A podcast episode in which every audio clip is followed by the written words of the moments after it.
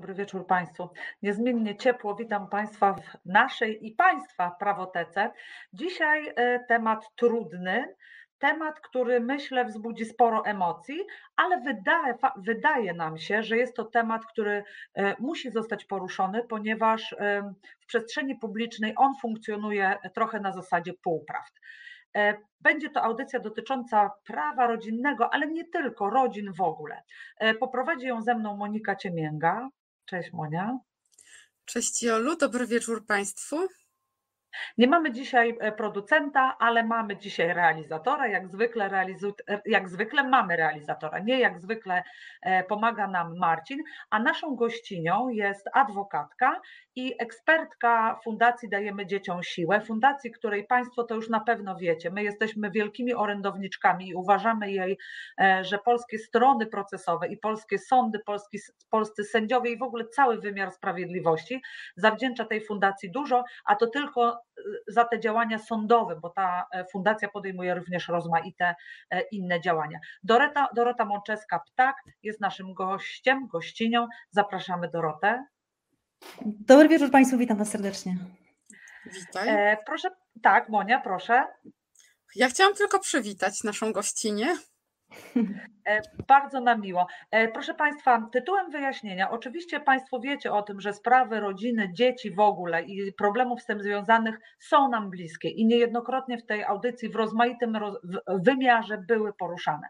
Natomiast przyznam szczerze, że pomysł zaproszenia gościa takiego właśnie, z którym o tym porozmawiamy, e, we mnie zakiełkował wtedy, kiedy usłyszałam wiceministra sprawiedliwości, pana Michała Wójcika, który mówił o tym, że nie pozwolimy, by brudne ręce e, e, europejskich sądów wychylały się po polskie dzieci.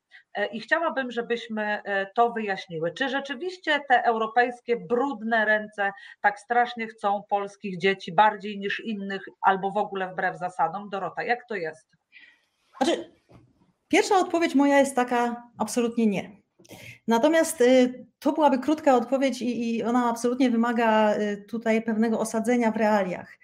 Otóż e, to, o czym wspomniałaś, e, dotyczy orzeczenia z 16 mm, lutego, czyli bardzo świeżego orzeczenia e, Trybunału Sprawiedliwości Unii Europejskiej, które jest odpowiedzią na pytanie prejudycjalne Sądu Apelacyjnego w Warszawie, czy można stosować, tak powiem oględniej w skrócie, czy można stosować mm, powstały nowelizacją kodeksu postępowania cywilnego artykuł 388 ze znaczkiem prim razem z funkcjonującym w przestrzeni publicznej międzynarodowej tym samym również w polskim e, prawie e, rozporządzeniem e, Unii Europejskiej artykułem 11 paragraf 11 ustęp 3, to jest mm, rozporządzenie Bruksela 2, które jest jakby połączone, jest częścią prawa międzynarodowego i również kartą praw podstawowych.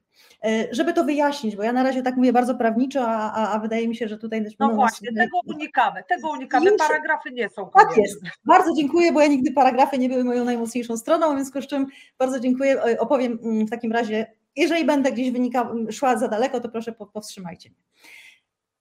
Proszę Państwa, my funkcjonujemy jako, jako kraj, jako Polska, tak samo wszystkie kraje, które są sygnatariuszami konwencji haskiej, bo będziemy dzisiaj o tej konwencji haskiej mówili nie, nie funkcjonujemy jako samotna wyspa.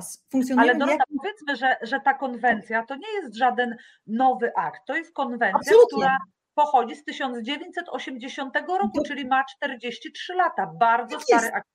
Absolutnie tak. I nawet jeżeli Polska ją ratyfikowała kilka w 1992 roku, to jest bez znaczenia, bo ona cały czas funkcjonuje, ta konwencja haska, i cały czas jest częścią naszego systemu prawnego. Tak? Bo te, y, zgodnie z konstytucją naszą, akty prawne, y, które zostały ratyfikowane, są częścią naszego systemu prawnego. I o czym mówi ta konwencja? To jest y, bardzo ważne, bo, bo, bo na tle tej konwencji nie, nie mogę jakby się odpowiedzieć na, twoje, na Wasze pytanie, które zadałeś się na początku, jeżeli nie powiem, na czym polega ta konwencja w bardzo szybkim, kilku słowach, w, w dużym skrócie.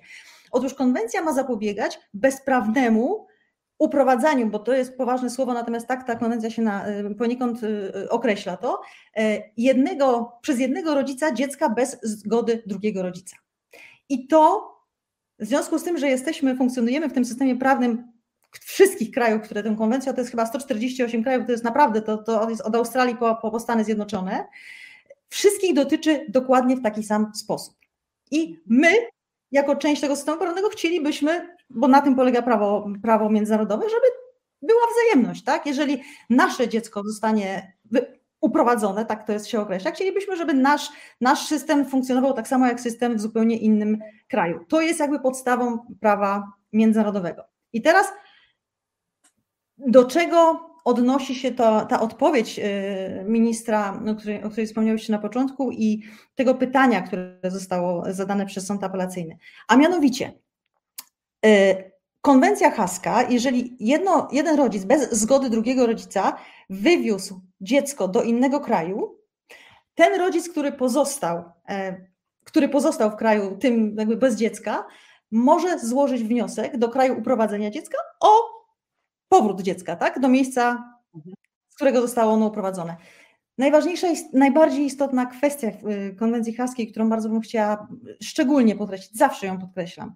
Konwencja haska nie jest aktem prawnym, który w swojej istocie ma decydować o tym, z kim dziecko ma mieszkać, gdzie dziecko ma mieszkać, kto ma być y, rodzicem wiodącym, jak mają wyglądać kontakty. Nie, absolutnie nie. I tutaj wydaje mi się, że na, u, jakby u podstaw, y, u idei powstania konwencji haskiej są i niezrozumienia jakby tej idei są wszystkie dalej idące problemy. To mogę bo... ci na chwilkę, mogę ci na chwilkę przerwać, bo to, e, bo to oznacza, że ten rodzic, któremu nakazano wydanie e, dziecka, to nie jest tak, że on musi e, wydać to dziecko z powrotem do, do rąk na przykład ojca, tak? Jeżeli tutaj matka uprowadziła to dziecko, ona może wrócić z tym dzieckiem Absolutnie. do tego kraju, no właśnie, i którego wyjechała. Bo wiecznie się Absolutnie mówi tak. o tym, że my mamy to dziecko oddać. Nie, ono ma po prostu wrócić do miejsca, skąd zostało wywiezione i absolutnie może wrócić ze swoją matką czy ojcem, tak. z tym rodzicem, który je wywiózł, mhm. prawda? To nie ma żadnego wpływu na kwestię oddania dziecka, a to jest bardzo ważne, bo bardzo często mówimy o tym, nawet ja, prawdę mówiąc, mhm. no, to oczywiste, że jestem karnistką, ale w końcu myślałam sobie, no czy ona, no to jest niemożliwe, żeby musiała oddać dziecko, po prostu musi z nim wrócić do kraju, z którego wyjechała, po, proszę Państwa, i to trzeba podkreślić, pozbawiwszy drugiego rodzica, który ma władzę w tym zakresie, bo przecież to nie mhm. dotyczy rodziców, którzy są pozbawieni władzy rodzicielskiej, mają ograniczoną władzę rodzicielską czy zawieszoną, tylko takiego rodzica, który ma prawo do tego, żeby o tym decydować, pozbawiła ta druga osoba tego możliwości podjęcia decyzji, po prostu spakowała dziecko i wyjechała. I to nie jest w porządku. Tak mi się wydaje, że to musi wybrzmieć. Należy jeszcze podkreślić, że e, ten rodzic, który występuje z wnioskiem o wydanie tego dziecka uprowadzonego, to musi być taki rodzic, który faktycznie wykonywał tę pieczę nad mhm. dzieckiem, tak. który brał udział w, w opiece nad dzieckiem. To nie jest taki rodzic, który no, gdzieś tam sobie był, e, ale nie, nic przy tym dziecku nie robił, no i nagle mhm. się obudził i żąda e, powrotu dziecka. Mhm. Absolutnie nie, absolutnie nie, gdyż e, jeszcze tak jakby kończąc poprzednią myśl, jak ja to zawsze na, na, na swój użytek i na użytek jakby osób, którym, którym opowiadam o konwencji haskiej, czy moich klientów, czy osób, e, jakby innych osób, zawsze tłumaczę, że konwencja haska jest sprawą nie o opiekę, tylko sprawą o jurysdykcję. E, mhm. Oczywiście bardzo, bardzo upraszczając, tak, bo chodzi w tej konwencji haskiej o przywrócenie stanu sprzed uprowadzenia dziecka, czyli Wystarczyłoby, żeby pan minister wczytał się w e, orzeczenia sądów, w to jak te orzeczenia są, są e, formułowane. Tam jest napisane powrót do miejsca, tak, z którego zostało to dziecko, nie powrót do matki, nie powrót do ojca, tylko powrót do miejsca, z którego zostało uprowadzone, do miejsca swojego stałego pobytu.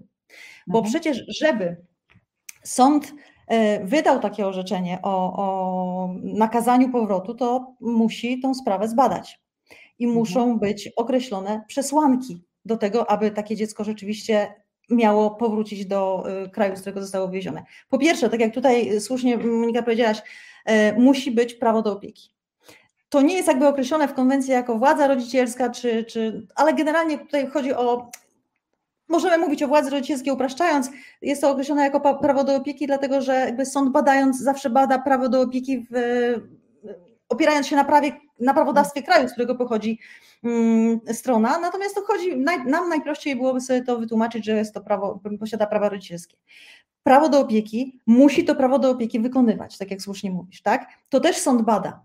bo tu nie ma prostego przełożenia, no, dlatego mamy postępowania sądowe, dlatego, dlatego funkcjonuje taki system sądownictwa. E, I to też nie ma prostego przełożenia, kto wykonywał prawo do opieki, a kto nie.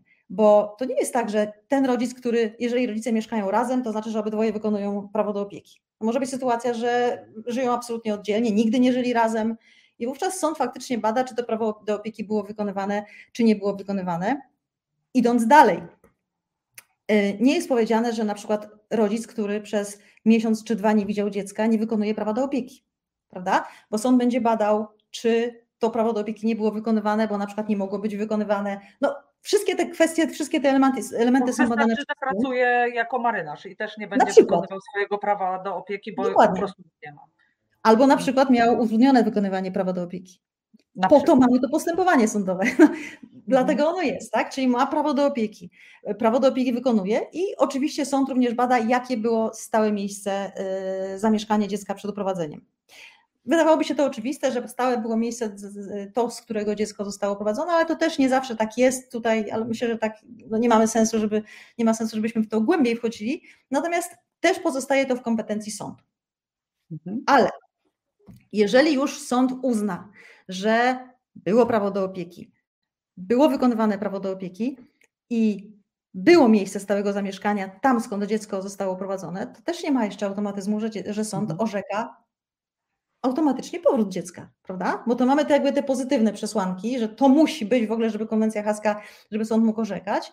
Natomiast no, tworząc konwencję haską, sąd brano pod uwagę, strony tworzące tę konwencję haską brały pod uwagę sytuacje, w których na przykład faktycznie wystąpiłyby sytuacje, gdzie dziecko nie może wrócić.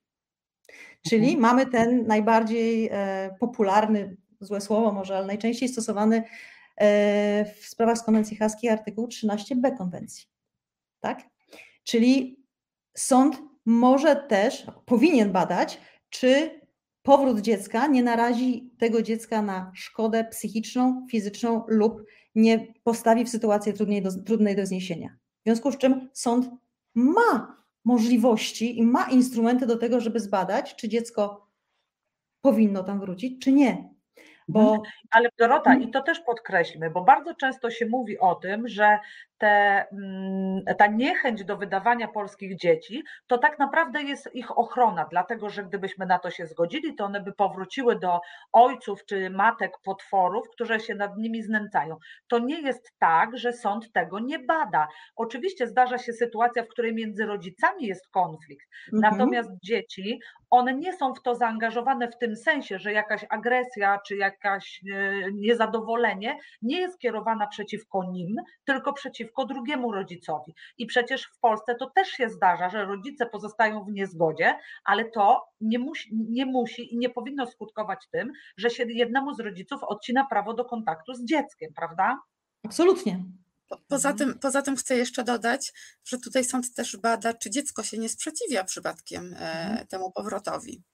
Mhm. Tak? A na ile to jest ważne, Monika, taki, takie, no bo wiesz, y, z dziećmi różnie bywa, mogą też y, być niekiedy hmm, zmanipulowane troszkę albo namówione. No, y, czasem tak, byda, y, y, czasem tak bywa. Chodzi o to, no, czy dziecko, no przede wszystkim takie 16-letnie, no to już podejmuje Aha. w tych sprawach decyzje we własnym zakresie. Czyli te, ta konwencja tak? dotyczy jakby co do zasady dzieci do 16 roku życia. Tak.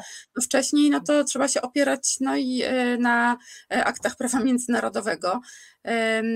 Chodzi tutaj o jakby o rozsądne życzenia dziecka, takie, które jest w stanie jakby wyrazić już te swoje właśnie e, życzenia. Chodzi tutaj o, o ten rozwój, e, o to, czy to dziecko nie jest za małe, e, czy jest w stanie się wypowiedzieć.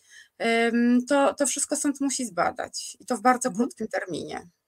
No właśnie, bo teraz przejdźmy do tego, że to nie może się dziać latami. I temu konwencja haska również służy. I te prawa rodzica, który pozostał no, pozbawiony prawa do tego, żeby e, swoje dzieci wychowywać, ma gwarantować mu, że ta sytuacja będzie szybko załatwiona, prawda? I to jest atut konwencji. Zdecydowanie tak, zdecydowanie tak. I to muszę mm, tutaj jakby ze swojego doświadczenia powiedzieć, że to się fantastycznie na plus dla, dla, dla, dla tych postępowań zmieniło. E, Zresztą to też no, w sumie też się to, to stało dzięki, dzięki zmianom w, w kodeksie postępowania cywilnego. E, jeszcze, jeszcze lata, kilka lat temu. W 2018. 2018, tak, dokładnie, w 2018 roku, kiedy czyli to... Dawniej, czyli dawniej te sprawy nie były załatwiane tak szybko, tak? Nie, nie, nie były... Mimo, że konwencja przewidywała już ten termin sześciotygodniowy, rozumiem. Nie Ona były... zawsze, ona zawsze No przewidywała ten termin, Tak. przy czym, e, przy czym e, rozpoznawały wówczas te sprawy e, sądy rejonowe, sądy, sądy No właśnie. rodzinne. Mhm. No, jak z tego co pamiętam, bardzo szybko były rozpoznawane, jak na miarę oczywiście naszych możliwości, bo tak naprawdę rzucało się wszystko, wszystkie inne sprawy, żeby po prostu, żeby zająć się e, konwencją. Ale to bardzo rzadko się udawało taką e, sprawę zakończyć w ciągu e, sześciu tygodni. No a w 2018 roku e, te sprawy raz, że, że wprowadzono tam przymus adwokacko-radcowski, Mhm. prawda? A Tak. dwa, że, em, że przeszły pod, e, pod kognicję e, sądów e, okręgowych, w których. Dobra, poczekaj, tylko wyjaśnijmy, że Mhm. przymus adwokacko-radcowski oznacza, że strona nie może występować sama w tym procesie, mhm, tylko musi wniosek czy pozew, nie wiem to, w jakim to się Wniosek. e, postępowaniu, wniosek. musi Mhm. złożyć e, adwokat lub radca prawny, czyli profesjonalny pełnomocnik i przeniesiono sprawy, które dotąd załatwiał sąd rejonowy, czyli ten sąd najniższej instancji, do sądu okręgowego. E, To nie dobra każdego, zmiana? nie każdego. E, w- w- e, 11, to sądów- tak? Pamiętam, Tak, to jest że 11, 11. tak, to jest 11 sądów okręgowych, w, e, które znajdują się w siedzibie, znaczy, w które znajdują się w miejscowości, w których znajduje się sąd apelacyjny e, w ten sposób. Okej, a czy to dobra zmiana, ty jako orzecznik uważasz, że to jest potrzebne, żeby przenieść? No bo to nie wydaje się być sprawa szczególnie skomplikowana, że akurat e, sąd okręgowy w pierwszej instancji ma go rozpoznawać. Czy to jest okej? No bo jako Moim zdaniem, moim zdaniem nie jest to sprawa szczególnie skomplikowana, ale Tak. jeżeli weźmiemy pod uwagę, że w sądach rejonowych sędziowie mają po 500-600 e, Mhm. spraw, Tak. e, to e, naprawdę nie, nie są jakby w stanie tymi sprawami zająć się w takim samym stopniu, jak to robią te sądy wyspecjalizowane. Tam są sędziowie wyspecjalizowani, którzy na Mhm. wylot znają te e, konwencje. E, Po, poza tym ten e, tak zwany przymus adwokacko-radcowski też ułatwił jakby postępowanie, no bo łatwiej się skontaktować z pełnomocnikiem, który musi podać maila, do którego mamy numer telefonu, niż z, jakby z uczestnikiem postępowania czy, czy z wnioskodawcą. To, to na pewno usprawniło te postępowania. Nie wiem, jak to wygląda, bo też zmienił się jakby sąd drugiej instancji, e, bo obecnie apelacje od e, rozstrzygnięć tych sądów okręgowych rozpoznaje sąd apelacyjny e, w Warszawie. Ja niestety nie wiem, jak to, jak to obecnie wygląda. Ty, Dorota, pewnie masz no, znacznie większe doświadczenie e, reprezentując uczestników postępowania w tych e, sprawach. Czy równie szybko te apelacje są e, rozpoznawane przez sąd apelacyjny e, w Warszawie? Bo to jest jeden, jedyny sąd w Polsce, który rozpoznaje Tak. e, środki zaskarżenia. Jest to jeden, jedyny sąd, Wydział Pierwszy Cywilny. Faktycznie, znaczy na pewno nie dzieje się to wolniej niż działoby się to w sądach okręgowych. Na pewno tak nie jest. Oni też mają, sąd apelacyjny też ma sześciotygodniowy termin. On teraz został troszeczkę zmieniony, bo to jest termin y, sześciotygodniowy od czasu, kiedy zakończy się całą procedurę, czyli doręczanie apelacji, bo, bo, bo się zmieniło to rozporządzenie y, Unii Europejskiej. Natomiast y, ja Oczywiście pewnie powinno być jeszcze więcej sędziów w tym, w tym Wydziale Pierwszym Cywilnym, natomiast ja jestem naprawdę orędownikiem tych, tych zmian i uważam, że fakt, że zostały, bo to z jednej strony to nie są sprawy skomplikowane, natomiast y, one być może nie są zbyt skomplikowane, jeżeli chodzi o stan faktyczny, ale ja akurat uważam, że to jest bardzo dobry, dobre posunięcie, że sądzą te sprawy y, konkret, wyspecjalizowani, y, wyspecjalizowani sędziowie, tak? Bo w Gdańsku mamy akurat dwóch sędziów, którzy, którzy sądzą tylko, tylko oni sądzą te sprawy, mm, sprawy y, w oparciu o konwencję haską i faktycznie, y, prze- przepraszam, nie chciałabym być tutaj źle zrozumiała, zrozumiana, ale y, czuję, ja czuję, że ci sędziowie naprawdę w tych, tych konwencjach haskich y, no, no, znają się na nich w sposób taki Ka- Każdy to szerzej, rozumie, tak? że specjalizacja po prostu, no jeżeli nie, uważa, nie używasz czegoś na co dzień, to nie Mhm. jest to ci tak e, dobrze znane, nie jest to akt prawny, na którym pracujesz na co dzień. A jeśli tylko tym się zajmujesz, albo, e, no oczywiście rozumiem też, że tych spraw nie masz 600 miesięcznie, ale jeśli ty jesteś do tego przygotowany, to uważam, że to jak najbardziej służy i tak sobie wyobrażam, że w takiej sprawie jest mnóstwo emocji, więc wyspecjalizowany, wyszkolony sędzia, myślę, potrafi też nad nimi y, zapanować. Tak, absolutnie tak. No tutaj też mamy do czynienia oczywiście z, z wysłuchaniem małoletnich. Sędziowie w tej chwili naprawdę prawie w każdej mojej, mojej ze sprowadzonych przeze mnie spraw wysłuchują małoletnich, w związku z czym też mają jakby e, no, wrażliwość na tego rodzaju sprawy. Poza tym nie oszukujmy się również, że konwencja haska to nie jest tylko konwencja haska, to są również inne rozporządzenia, mm, rozporządzenia międzynarodowe, więc uważam, że to jest bardzo, bardzo dobry krok. E, mówiłaś Monika, jak to wcześniej było. No, przyznam, że ja na przykład pamiętam sprawy, które w, nie w, Pol- nie w Gdańsku, w innych częściach, w częściach Polski, bo my akurat specjaliści w konwencjach haskich to jeździmy po, po Polsce, teraz jest to troszkę bardziej ułatwione może, szczególnie jeżeli chodzi o apelacje, bo to są zawsze e, rozprawy online, ale e, ja pamiętam sprawy, które trwały rok i półtora, tak, bo takie nie dlatego, że troszeczkę było może inaczej, inne, inne dowody były. W tej chwili, jest, e, postępowanie dowodowe jest bardziej skumulowane, tak już nie można przesłuchiwać nie wiadomo jakiej ilości świadków, sędziowie inaczej te sprawy prowadzą w mojej ocenie słusznie dla idei mm, konwencji haskiej, bo im dłużej taka, im, im dłużej trwa postępowanie w trybie konwencji haskiej, tym bardziej traci ono trochę sens. Tak, bo więź tego ocena. dziecka z tym rodzicem. Tak, właśnie tutaj nawet, tutaj nawet pan e, Daniel e, Janowicz no, zwraca uwagę na to, E, że konwencja ma zabezpieczenia, że jak dziecko zaadaptowało się w nowym miejscu, które stało się jego centrum życiowym, sąd może podjąć decyzję o odmowie powrotu dziecka i to jest linia e, obrony. Jednakże nie jest, e, nie jest to tak, że jak tutaj pan w dalszym ciągu pisze, podpowiada się matce, by urodziny pobyła pół roku i więcej z dzieckiem, a następnie składa się wniosek o pobyt dziecka w miejscu przebywania matki z zabezpieczeniem, dlatego że sąd nie może prowadzić postępowania o ustalenie czy to, czy to władzy rodzicielskiej, E, czy to właśnie miejsca zamieszkania, a nawet pobytu dziecka, e, w sytuacji, kiedy toczy się sprawa z tej konwencji. Okej, okay. czyli jeśli drugi mhm. rodzic wystąpił z wnioskiem o e, przywiezienie dziecka z powrotem, to nie można już wtedy ustalać miejsca pobytu tak, żeby zmienić to miejsce z tego kraju, które jest sygnatariuszem konwencji, na Polskę. Panie Danielu, nie można tak zrobić. Nawet, ale, nawet, ale nawet jeżeli został taki wniosek złożony wcześniej, zanim jeszcze wpłynie ten wniosek z konwencji mhm. haskiej, wówczas postępowanie musi zostać zawieszone. Jest to zawieszone. obowiązek. Mhm. Okej, okay, czyli konwencja haska i te decyzje z nią związane mają e, jakby pierwszeństwo. Pierwszeństwo. No zresztą jest logiczne. Tak, tak. I tutaj jakby właśnie sens konwencji haskiej, czyli to, co, co, o czym mówimy, żeby te sprawy były rozpoznawane możliwie w szybkim terminie. To te sześciotygodniowe terminy, no jest ten sześciotygodniowy tak, termin. Oczywiście przekroczenie, przekroczenie tego terminu nie, niczym nie skutkuje w postępowaniu, natomiast e, sądy starają się tego, tego jak najszybszego terminu dotrzymać. E, tutaj wracamy do tego, o czym zaczęłyśmy nam mówić na początku, czyli o tym e, wyroku CUE, prawda? Mhm. Bo do czego on dotyczył ten wyrok CUE?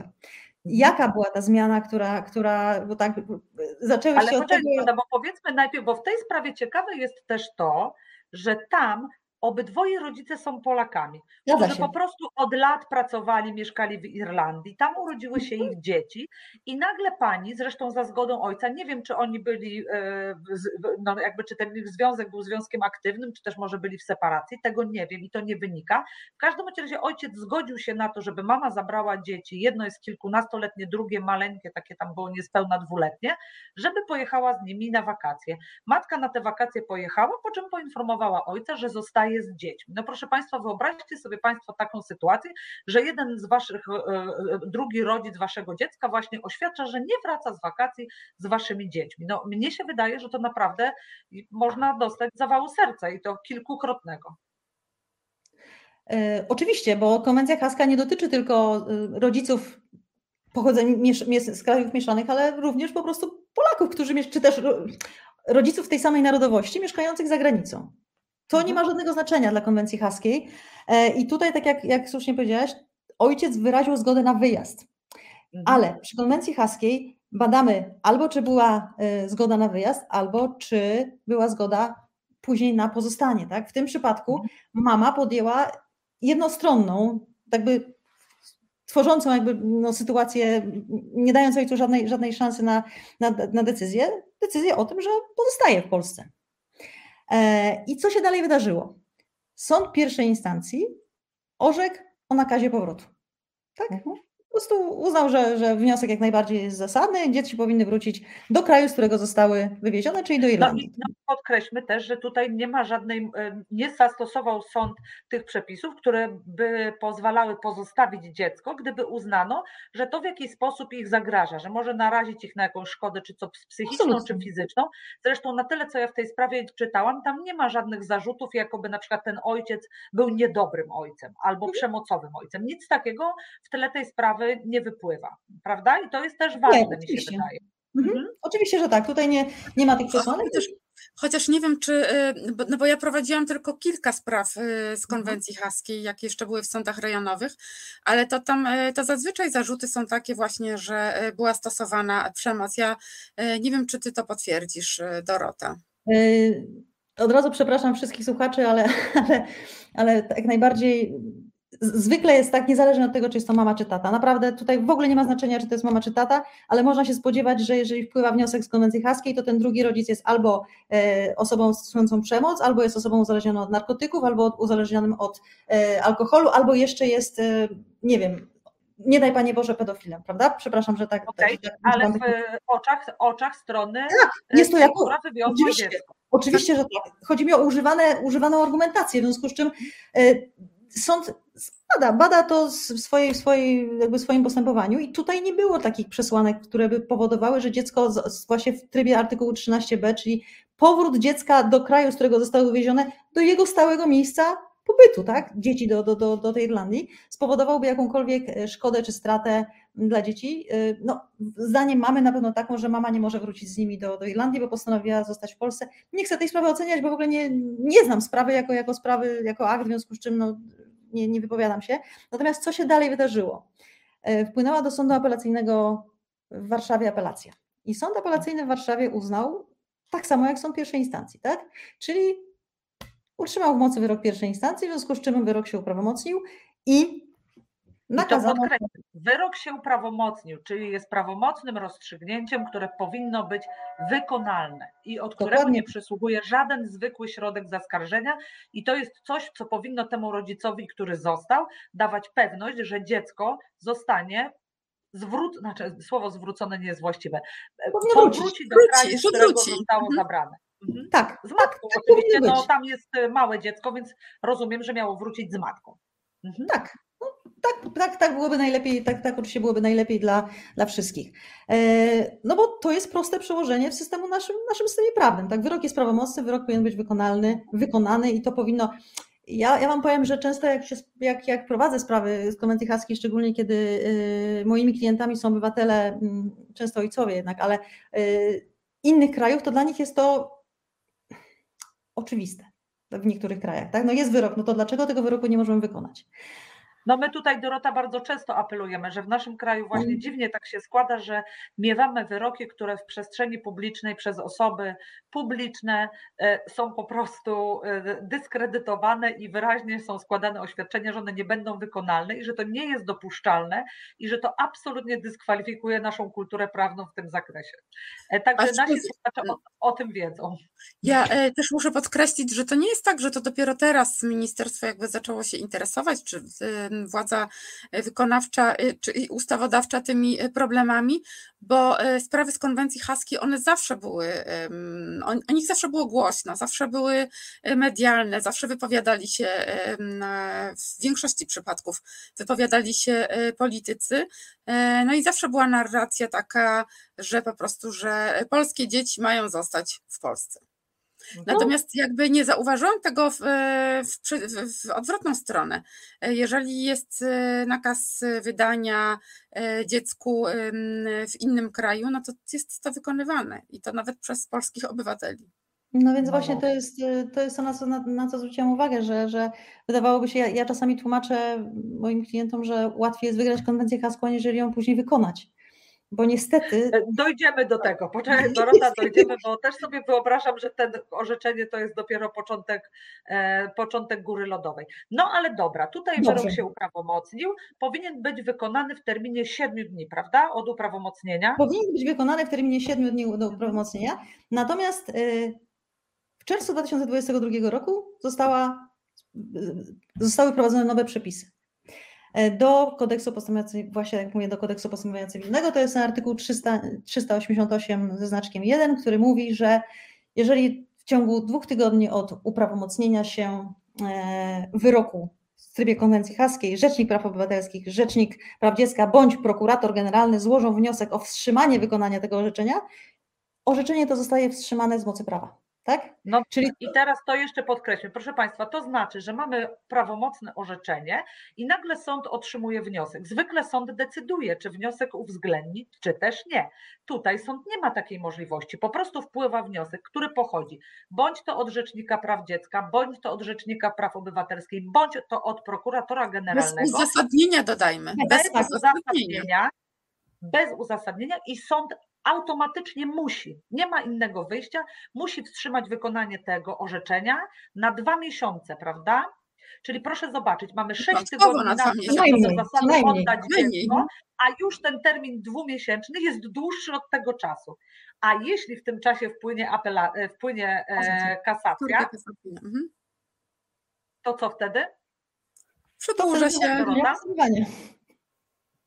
Do zakończenia to, Państwa, aż Sąd Najwyższy rozstrzygnie, taka sprawa może e, być wstrzymane jej wykonanie. Czyli w tym momencie już ta rozłąka z dzieckiem nie będzie wynosiła kilka tygodni, nie będzie wynosiła nawet dwa czy trzy miesiące, tylko z całą, z całą pewnością będzie wynosiła kilka, być może kilkanaście miesięcy, a to jeszcze nie koniec, bo nawet jeśli Sąd Najwyższy się wypowie, wyprowadzi może nie, wypowie, to jeszcze mamy przecież skargę nadzwyczajną. nadzwyczajną. I też może tak. być ona uwzględniona. Wobec tego to się zamienia z tygodni w kilkanaście miesięcy, lata może nawet, prawda? Może lata. To może mogą. mogą już nie ma żadnego sensu konwencja haska, prawda? Bo to, to już mija, mija się w ogóle z celem. Yy no, no tak, wiadomo, że dziecko tyle lat mieszka, trzeba że... podkreślić, nie? że w tym momencie po prostu iluzoryczne staje się to, że rodzic ma drugie dziecko, y, ma, ma e, prawo do tego dziecka i może się z nim spotykać. Pewnie ktoś złośliwie powie, że przecież może sobie przyjeżdżać do Polski. Pewnie może, ale to i tak nie zmienia stanu rzeczy, że jego świat e, i rodzina została wywalona w powietrze bez jego winy, e, na podstawie jednostronnej decyzji. No i czasem to nie jest takie proste, żeby z tym dzieckiem utrzymywać taki kontakt, zwłaszcza, że no, tu na pewno ono zapuści za, za, za korzenie, bo to się w przypadku dzieci dzieje bardzo szybko. No ale sąd apelacyjny. Ale, ale słuchajcie, przecież przystąpiliśmy do tej konwencji. Nikt nas do no tego właśnie. nie zmuszał, nie przestawiał pistoletu do głowy.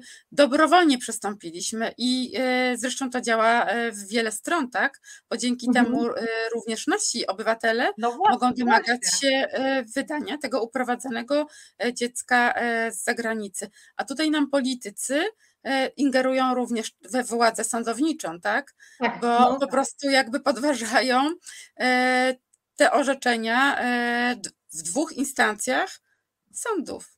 Tak. Ale podważają... nawet, nawet Bo tutaj pani Danuta Bąk nawet napisała, Pani Danuta Bąk napisała, czyli politycy dali sobie prawo omijania wykonania wyroków, czyli omijania praworządności. To znaczy oni sobie dali prawo podejmowania decyzji pozasądowych. To jest naprawdę mhm. e, niewiarygodna sytuacja, ale ona się na przykład w przepisach karnych też sąd jest coraz bardziej wiązany. Musi coś zrobić, jeśli wpłynie taki wniosek. I ja uważam, że no niechby nawet zmieniono te przepisy, że może złożyć wniosek, e, chociaż i to jest za dużo w, w kontekście treści konwencji haskiej, ale że może złożyć taki wniosek. No ale to nie może być wniosek, który de facto decyduje o dalszym biegu tego postępowania, prawda? I, dla, i dlaczego polityk, tak? No bo tutaj prokurator generalny przecież jest politykiem. Mhm, dokładnie, e, no dokładnie. bo to jest minister sprawiedliwości. E, a przecież e, strona, czy ten uczestnik postępowania przecież sam może złożyć taki wniosek o no wstrzymanie. No wykonania tego orzeczenia, to po co mu tutaj jest potrzebna tego typu pomoc? No właśnie, i no to jest bardzo ważne, żeby. Zaskarżalne, nie? nie może, ta druga strona nie może nic zrobić, bo to jest w ogóle niezaskarżalne. Mhm. Mhm. mhm tak, niebadalne, niebadalne.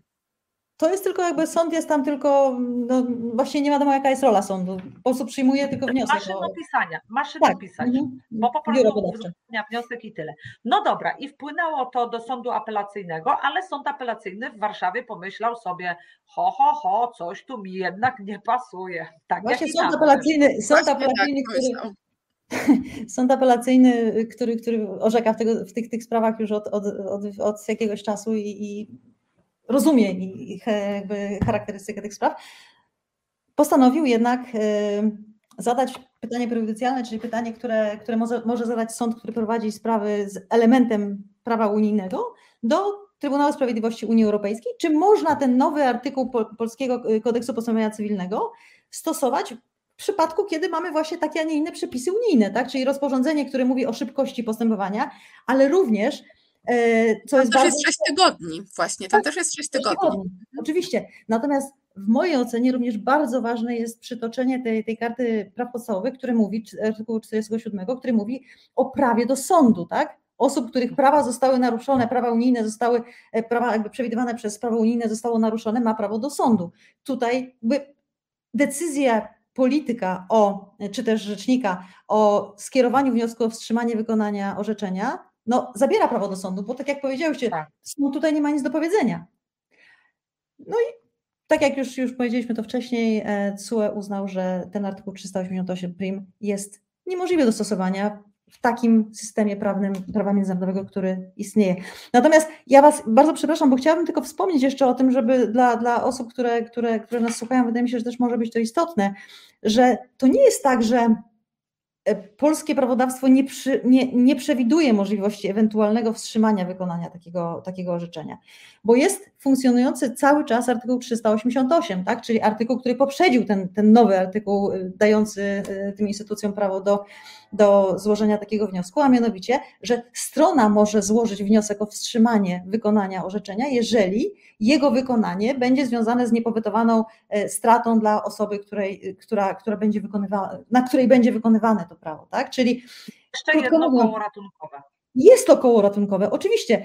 W związku z tym, że mamy możliwość składania kasacji w prawie, e, w- naszym prawodawstwie, jeżeli chodzi o sprawę, sprawę z konwencji haskiej, e, szczególny środek zaskarżenia, jest artykuł w kodeksie postępowania cywilnego, który daje sądowi, ale właśnie o to chodzi, że sądowi, czyli daje sądowi prawo do tego, żeby ocenił, tak, czy rzeczywiście wstrzymanie tego e, orzeczenia powinno nastąpić, bo może, mogą być sytuacje, że rzeczywiście być może lepiej byłoby wstrzymać wykonanie tego orzeczenia, czy też nie. I wydaje mi się, że to jest absolutnie wystarczające. E, No i przede wszystkim nie zabiera sądowi prawa do decydowania. No i, chyba też, i, też, I też nie narusza jakby równowagi tych y, uczestników właśnie. postępowania, prawda? zdecydowanie, zdecydowanie tak. Myślę, że tutaj to, to, to, to, o czym mówimy, daje nam też odpowiedź na to, dlaczego i jaki był, jak, jaka była idea w, stworzenia tego przepisu. Tak, tak przynajmniej jest mój. No i te właśnie, to właśnie e, rozstrzygnięcie TSUE, które napisało, że e, te nowe przepisy, bo te, o których my mówimy tutaj, dające takie uprawnienia rzecznikom i prokuratorowi generalnemu, to są przepisy, które weszły w życie w 2020 roku e, i to właśnie spowodowało taką agresję. Naprawdę ja tego zupełnie nie rozumiem, że ludzie, którzy sprawują władzę, tak nieodpowiedzialnie się wypowiadają, dlatego że mnie się wydaje, że to tak jak powiedziałyście, zaburza równowagę stron, jest poza tym szalenie krzywdzące dla ojca. Chyba wszyscy się zgodzimy, że jest naprawdę całkiem nieźle, jeśli dziecko ma dwoje rodziców. I nawet jeżeli pomiędzy nimi zdarzają się grube nieporozumienia, to bywa też tak, że to zupełnie nie ma wpływu na, na relacje z dzieckiem. I powiem tak, taka powinna być norma. To u nas to wszystko jest odwrócone do góry nogami, że to powoduje czasem również e, rozpad relacji rodzicielskiej, a nie tylko małżeńskiej, czy partnerskiej, czy jaką tam rodzice tego dziecka e, e, mieli. A proszę Cię, Dorota, opowiedz, bo powiedziałaś, że reprezentujesz osoby, które no, doznały tego, że ich dziecko zostało no, porwane właściwie. E, Czy mogłabyś nam opowiedzieć, e, no w kontekście tego, co mówimy, że ci ludzie mieli, mają być narkomanami, alkoholikami, ludźmi agresywnymi, czy rzeczywiście tak jest? E, oczywiście opierając się tylko i wyłącznie na, na swoich, e, swoich doświadczeniach, faktycznie tak się złożyło, że to, to nie było zamierzone. Tak się złożyło, że ja w większości przypadków miałam, reprezentowałam strony, które składały wnioski, a nie, a nie, a nie, a nie mm, osoby, które uprowadzały dziecko. W związku z czym w moich sprawach, które prowadziłam, gdzie reprezentowałam tych ojców, faktycznie ani razu sąd nie uznał, nie uznał, takiej, nie uznał takiej sytuacji, że odmówił nam powrotu dziecka oparciu o artykuł 13b, czyli jakby nie, potwierdzone zostały te argumenty, które, mm, które przedstawiane były prawie zawsze, tak? Prawie zawsze przez drugą stronę, że, że ojciec, e, no, że powrót do ojca, przecież to nie jest powrót do ojca, od tego trzeba zacząć, tak jak mówimy, ale że powrót do tego kraju, z którego dziecko zostało prowadzone, jest e, zagrożeniem. E, raz miałam sytuację taką, że rzeczywiście sąd uznał, że mm, nie należy i odmówił, akurat temu po stronie mamy, ale to jakby nie ma znaczenia, odmówił powrotu, e, dlatego że ojciec stosował przemoc do w stosunku do matki i sąd uznał, że jakby ta przemoc miała też wpływ na dziecko, tak, że to było jakby, sąd to po prostu bada, bo tak jak powiedziałyście, samo stosowanie przemocy, konflikt między rodzicami, no, różnego rodzaju, tego, tego rodzaju kwestie, które są pomiędzy rodzicami, nie powodują automatycznego, automatycznej decyzji sądu o odmowie, y, odmowie powrotu. Y, sąd bada oczywiście, czy ta, najczęściej mama, ale też nie zawsze, czy ma faktycznie jak z tym dzieckiem wrócić, bo to też ma czasami znaczenie, tak? Czyli na przykład możemy mieć sobie wyobrazić sytuację, że mm, rodzic czy mama wyjeżdża z dzieckiem, małym dzieckiem za granicę, y, wraca do Polski, przepraszam, y, dlatego że ucieka przed ojcem, który stosował przemoc, tak? No i teoretycznie sąd mógłby orzec powrót, bo powrót do kraju, a nie do ojca. Natomiast sąd też bada, czy, y, czy ta kobieta, czy ta osoba, która uprowadziła dziecko, mm, jak oni funkcjonowali. Czy ona na przykład była od niego zależna, czy nie była zależna, czy jak jeżeli sama wróci, to sobie poradzi, czy ma rodzinę, przyjaciół, znajomych.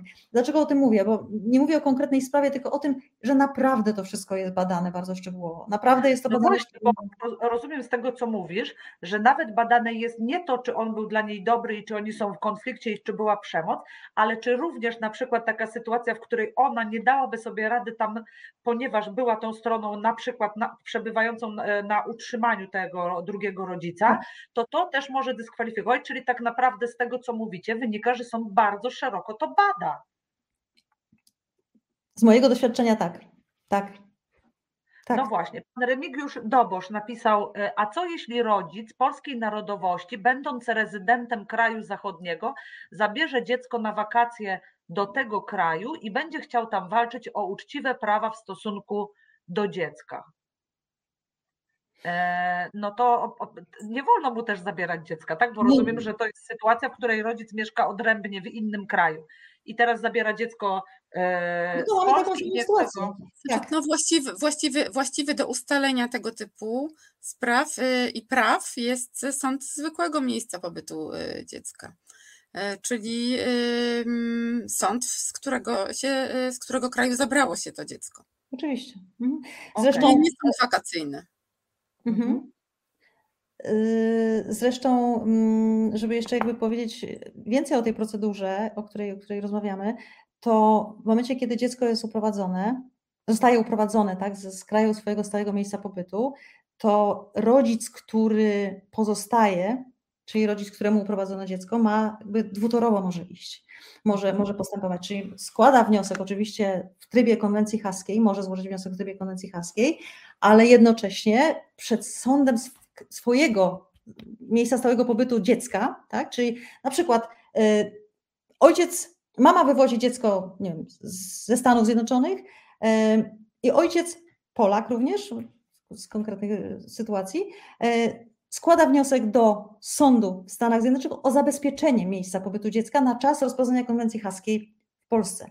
I sąd stałego miejsca pobytu dziecka może w tym czasie również rozstrzygać w sprawie zabezpieczenia. Tak? To jest takie zabezpieczenie, oczywiście, no to jest to wydane orzeczenie przez, przez sąd y, stałego miejsca pobytu dziecka, a tutaj się konwencja haska dalej toczy, ale chodzi mi o to, że, że jakby dwutorowo można iść, czyli należy występować, jeżeli dziecko zostanie uprowadzone, występować do, do, do sądu kraju miejsca, miejsca stałego pobytu i dodatkowo w trybie konwencji haskiej.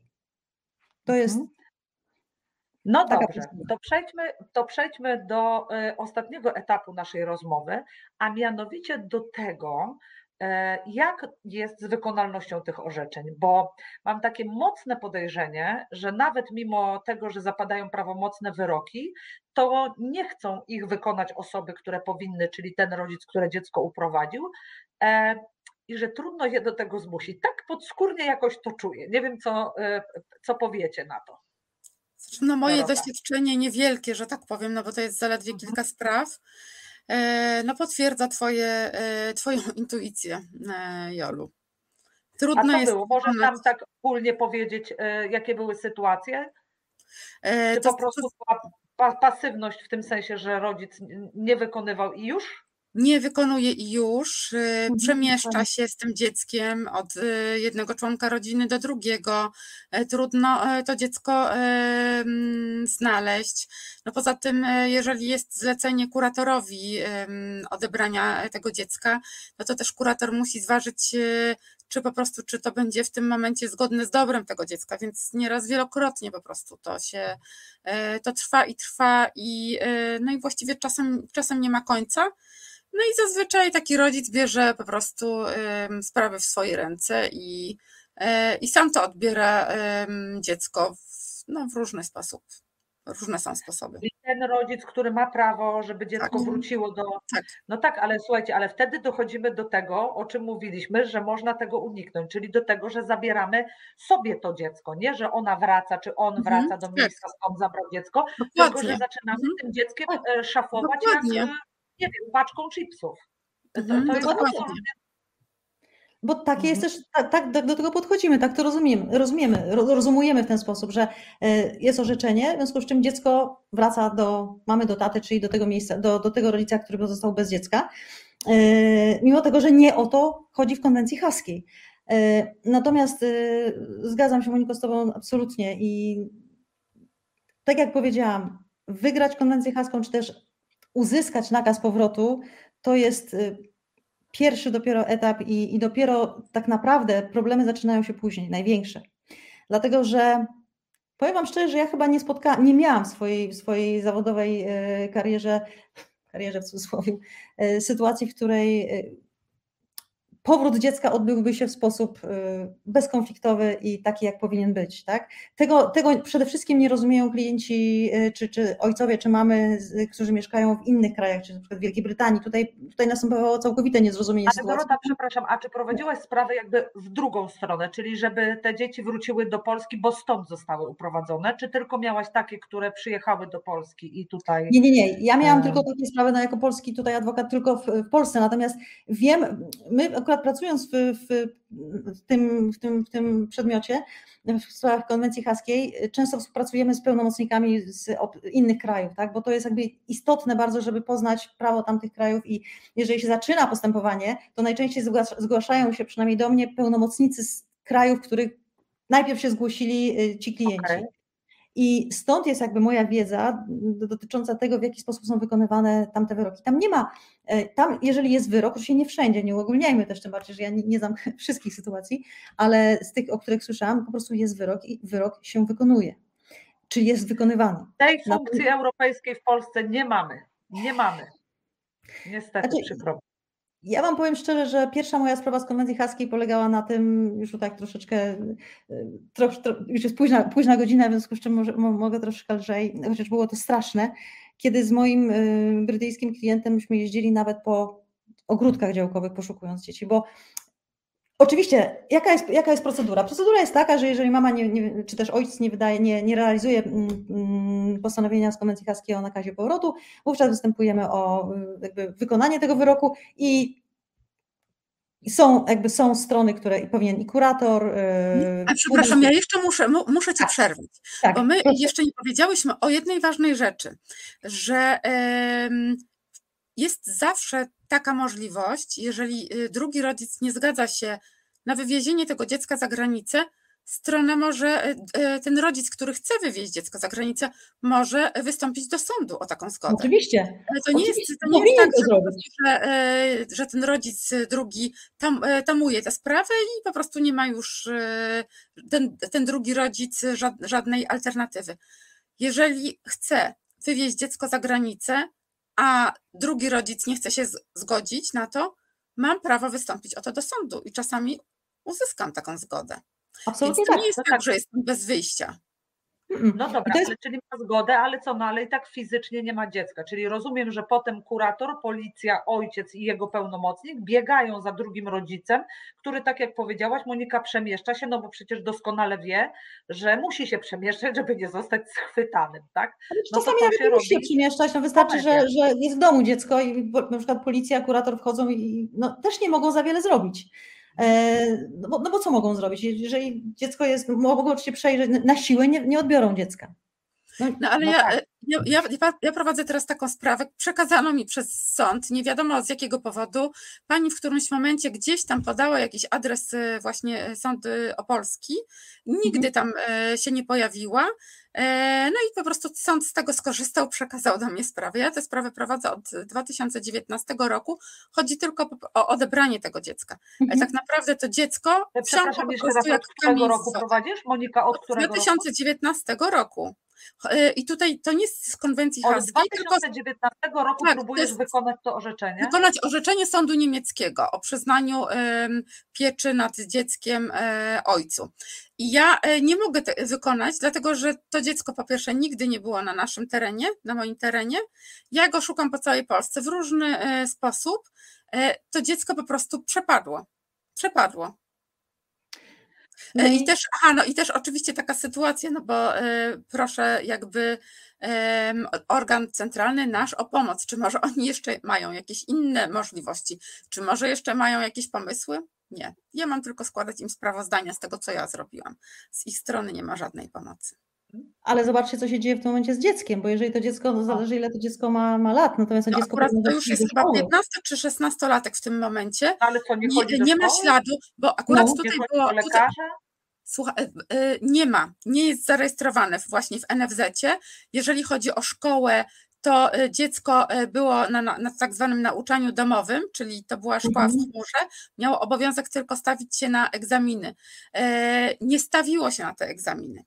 E, I mam wrażenie, że. To jest dopiero e, szkoda dla dziecka. To jest dopiero szkoda Właśnie. dla dziecka. Dziecka wykluczonego społecznie, bo przecież nie chodzi do szkoły. Rozumiem, że nie wiem, e, gdzieś przebywa w jakimś odosobnieniu. Znaczy, ja w tym momencie jestem przekonana, że ponieważ e, ja jestem w tym momencie przekonana, że tego dziecka w Polsce po prostu nie ma. Natomiast nie mam po prostu Tak. możliwości zamknięcia tej sprawy, no bo nie mam, nie mam dowodu i zapewne się będę, będę to ciągnęła i wykonywała no tak na dobrą sprawę fikcyjne jakby e, czynności. Pow- powta- będę powtarzać to, co już zrobiłam e, i czekać na informacje od jednego organu, z którym jakby współpracuję, ale zapewne to się przeciągnie do osiemnastki te, tego dziecka. Straszne. To, co mówisz, jest straszne. Pewnie faktycznie masz rację, że tego dziecka dawno w Polsce nie ma, E, ale no, to mi się wydaje jednak być szalenie rujnujące, że, że dzieci są pozbawiane drugiego rodzica. To nie jest naprawdę w porządku. Dobrze, zostało nam kilka zaledwie minut, więc zadam pytanie kolejne, trudne. Jakie możliwości mamy, żeby przymusić rodzica do tego, żeby dziecko odwiózł? Hmm. No właśnie, ja powiem szczerze, że ja nie potrafię odpowiedzieć na to pytanie. Naprawdę nie potrafię odpowiedzieć na to pytanie. Dlatego, że Ale, ale fakt, pra, prawnie, czy mamy? No bo na przykład wiem, że jeśli nie wykonuje się w e, sądzie rodzinnym jakiś, no w ogóle jeśli się nie wykonuje jakiegoś zobowiązania, to może być taka grzywna przymuszająca. Mhm. Czy tutaj w, tym, w tej sytuacji można ją stosować?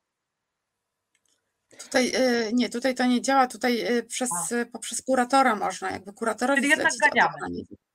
Ganiamy. Ale no jakby to, to, to, to tak naprawdę nie działa, no. nie działa. Nie To działa. zupełnie nie działa.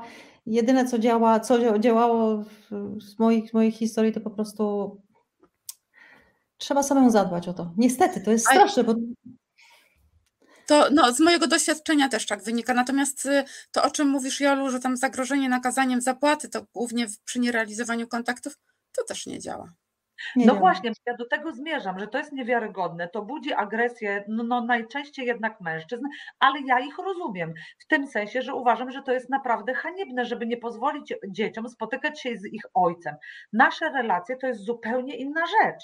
Ale dziecko ma i oczywiście po roku, dwa takiego stanu, to już te relacje jakby nie wiem, czy da się odbudować, bo szkody są tak wielkie, że po prostu no, rodzic jest sfrustrowany, agresywny, ale też to dziecko jest po prostu totalnie oderwane od tego rodzica, prawda? I mnie się wydaje, że my musimy mówić Państwu wyraźnie o tym, że to nie jest tak, że to jest działanie na dobro, dla dobra dziecka. To nie jest tak. Dla dobra dziecka jest to, żeby ono miało dwoje rodziców i nawet jeżeli oni ze sobą nie potrafią dojść do porozumienia, to zwykle, zwykle, nie zawsze oczywiście, ale zwykle są lepszymi rodzicami niż partnerami, małżonkami e, i lepiej to się układa, prawda? No ja nie wiem, ja y, widzę te sprawy tylko z punktu widzenia karnego, ale też mi się czasem e, wydaje, że małżonkowie bywają dla siebie naprawdę mm, że tak powiem, e, niesympatyczni, natomiast bardzo często dzieci są do tego niemieszane, choć oczywiście widzą i to jest na pewno dla nich szkoda, ale jeśli się rodzice rozchodzą, no to już nie ma takiej obawy, prawda? Jak wy to widzicie? Absolutnie tak, oczywiście, że tak, że, że tak jest. Zresztą wydaje mi się, że, że w tej ostatnim, w ostatnim rozporządzeniu y, Rady Unii Europejskiej, które zmieniało to poprzednie, zresztą jest, jest bardzo duży nacisk kładziony w tej chwili na mm, jednak stosowanie przez sądy, przynajmniej próba zastosowania sądy przez sądy mediacji w postępowaniach z konwencji haskiej. To na razie za bardzo nie funkcjonuje, przynajmniej z mojego doświadczenia, ale wydaje mi się, że to jest ta, ten, ten kierunek, który, który powinno się obrać, bo yy, oni zostają, ci, ci, ci, rodzice, cały czas rodzicami tego dziecka i to nie da się tak tego dziecka oderwać całkowicie od drugiego rodzica bez szkody, w ogóle się nie da, tak, bez szkody dla tego dziecka. W związku z czym. E, Moniko, tu powiedziałaś wcześniej, ja, ja chciałam też, jakby chciałam się do tego też odnieść, że mm, rodzic, który chce wyjechać z dzieckiem, do swojego, bo przecież mamy prawo, no przemieszczamy się cały czas, związki się rozpadają, szczególnie to łatwo sobie wyobrazić na przykład w związku, kiedy, kiedy obywatel czy obywatelka Polki, Polski związuje się z obywatelem innego kraju i chce wrócić do, do, do Polski, chce wrócić ze swoim dzieckiem, to jaką ma drogę? Pójść do sądu, kraju, w którym mieszka i wystąpić o zgodę, tak? Tak samo jak my tutaj wyjeżdżając z Polski, występujemy do sądu polskiego o zastępczą zgodę na, na, na, na opuszczenie z dzieckiem, bo jeżeli ojciec ma, czy mama prawa rodzicielskie, to nie można bez jego zgody, w związku z czym występujemy do sądu. Jeżeli te argumenty faktycznie są e, istniejące, sensowne i logiczne, no to sąd na pewno na, taką, na taki wyjazd e, wyrazi zgodę i jest to dużo lepsze rozwiązanie, aniżeli później właśnie sprawa z konwencji haskiej i. Ale ja akurat prowadzę teraz taką sprawę, że pani wystąpiła o właśnie o e, wyjazd z dzieckiem na stałe za granicę, w dodatku do, do miejsca, e, do kraju, w którym mieszka ojciec tego dziecka. Mimo to, i mimo to ona wystąpiła z takim wnioskiem. Można? No i jeszcze tylko jedną rzecz powiedzmy, że jeżeli rzeczywiście jest tak, że ten ojciec jest przemocowcem, to zwykle też w innych krajach, przynajmniej europejskich, tam będzie ta, e, ten małżonek drugi lepiej chroniony niż w Polsce, bo w Polsce niestety, chociaż teraz też jest z tym już dużo lepiej niż jeszcze bywało to 10 lat temu, ale też różnie to bywa z tym zakazem kontaktu, zakazem zbliżania, czasem można się naprawdę umordować. Wydaje mi się, że e, w innych krajach to jest jednak lepiej przestrzegane. I wiecie co dziewczyny, tak jak słuchałam was tutaj, no to to nie napawa optymizmem. Napawa optymizmem to, że przynajmniej nasi słuchacze będą już rozumieli, że to nie jest tak, że matka porywa dziecko od potwora i teraz e, zły polski sąd to dziecko oddaje. To tak się nie odbywa, ale moja mądra koleżanka Doroto, Monika Ciemięga, która tutaj jest też obecna, powiedziała mi kiedyś, że ona bardzo często rozpoczyna proces swój, mówiąc stronom, proszę Państwa, wydać wyrok to ja mogę, wydałam już ich bardzo wiele rozmaitych, ale jak ja go wydam, to Państwo będziecie musieli z nim żyć. Wobec tego mnie mówisz, tak? Mówisz o mnie, tak? Oczywiście. Wobec tego w najlepszym Państwa jest interesie to, żebyście Państwo zakasali rękawy i popracowali nad tym, żebyśmy wypracowali jakiś kompromis, który dla każdego z Was będzie akceptowalny. I mnie się to bardzo podobało, co Monika powiedziała. Bardzo często, Monika, te Twoje słowa cytuję i cieszę się, że tak postępujesz, bo wydaje mi się to jedyne rozsądne wyjście. Ale nie zawsze to działa, od razu powiem. E, no dobrze, nie zawsze to działa, ale to uświadamia rodzicowi, że na nim ciąży odpowiedzialność za wynik tego postępowania. Na tego, na ile on będzie elastyczny, na ile będzie dobro, y, jakby tak miał dobrą wolę, żeby to postępowanie zakończyć. A nie może potem powiedzieć, niedobry sąd mi tak zrobił i teraz ja muszę się z tym mordować. No nie, bo on musi sam troszkę ustąpić, troszkę zdobyć. Czas nam się nieubłaganie skończył. Mam nadzieję, że Państwo y, dużo wyciągnęliście e, e, w- z naszego e, programu. E, Pan Remigiusz Dobosz pisze, Panią Dorotę przydałoby się zaprosić jeszcze e, do rozmów. Jeżeli tylko e, Pani mecenas się zgodzi, to oczywiście tak uczynimy. Bardzo serdecznie Ci dziękujemy Doroto za Dziękuję rozmowę. bardzo. Bardzo Wam dziękuję za zaproszenie. Tobie Dziękujemy Moniko też bardzo. dziękuję. No i Państwu oczywiście dziękujemy bardzo serdecznie za to, za to, że jesteście z nami. Za tydzień też tu będziemy, więc bardzo serdecznie Państwa zapraszamy. Dobranoc. Dobranoc. Dziękujemy i do zobaczenia.